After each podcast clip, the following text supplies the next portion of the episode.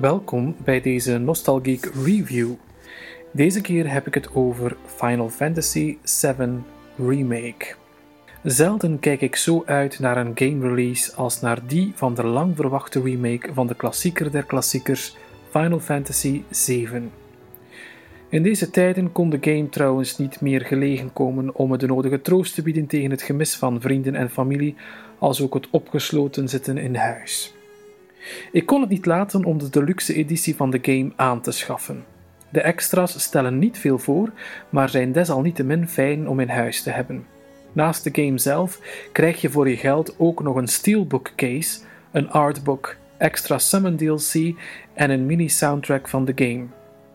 Perfect, want het spel heeft wel even zijn tijd nodig om te installeren. Het moment om al eens naar de muziek te luisteren.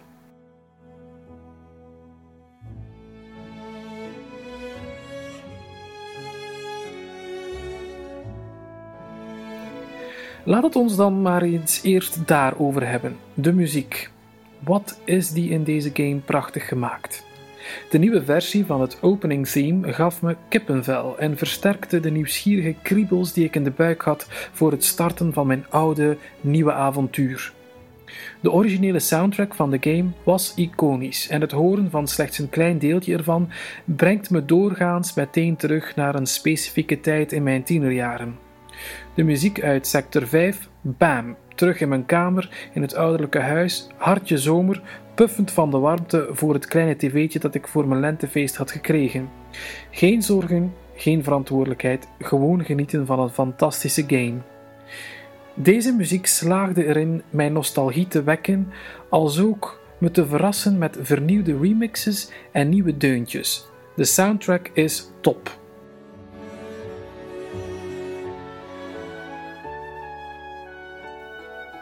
Wat uiteraard ook meteen opvalt, wat ziet deze game er mooi uit? En hoe doen ze dat toch? Net of je naar een pot van je favoriete snoepgoed zit te kijken. Je krijgt het gevoel dat Square pakken geld naar het scherm gooide. Midgar en de cast van personages die deze grauwe stad bevolken zagen er nooit zo goed uit. Zelfs niet in Advent Children van een paar jaar geleden. Je kan nog net niet alle haartjes tellen, maar het scheelt echt niet veel. Dit is uiteraard een big selling point van de game. Laat ons toegeven, het origineel is nu niet bepaald mooi oud geworden.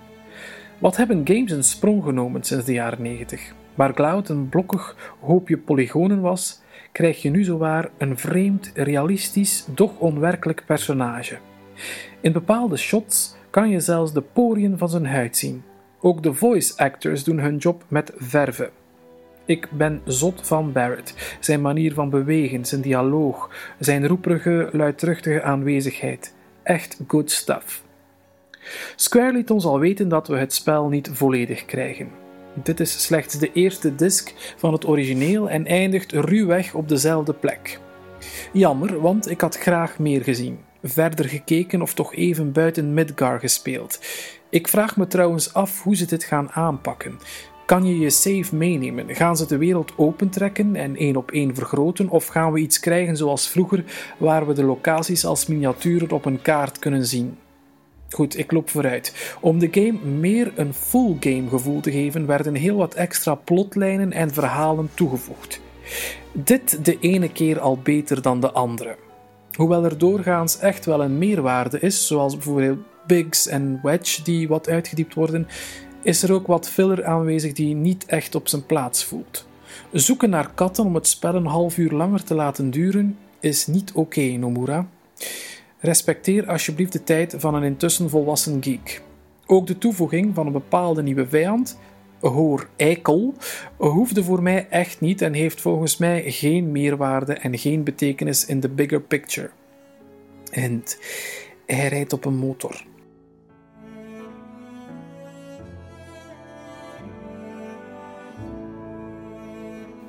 Het nieuwe gevechtssysteem is flitsender dan ooit en het werken met wapenupgrades en materia die je de mogelijkheid geven om je party zo te vormen zoals jij dat wilt, zijn gestroomlijnd en handig in gebruik.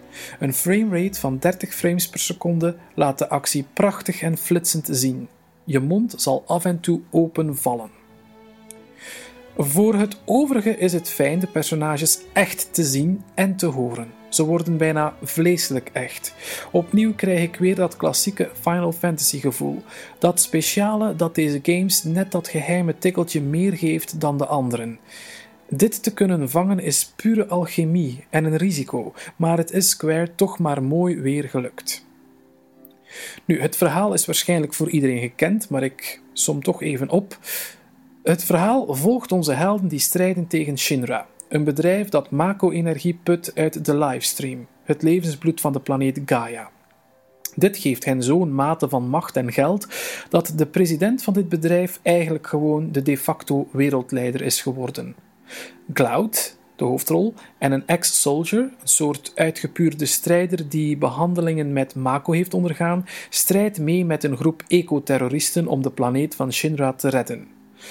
Als het putten van Mako blijft doorgaan, zal op de duur niks meer in staat zijn te groeien en zal alle leven op Gaia verdwijnen. Natuurlijk is er meer aan de hand dan dit.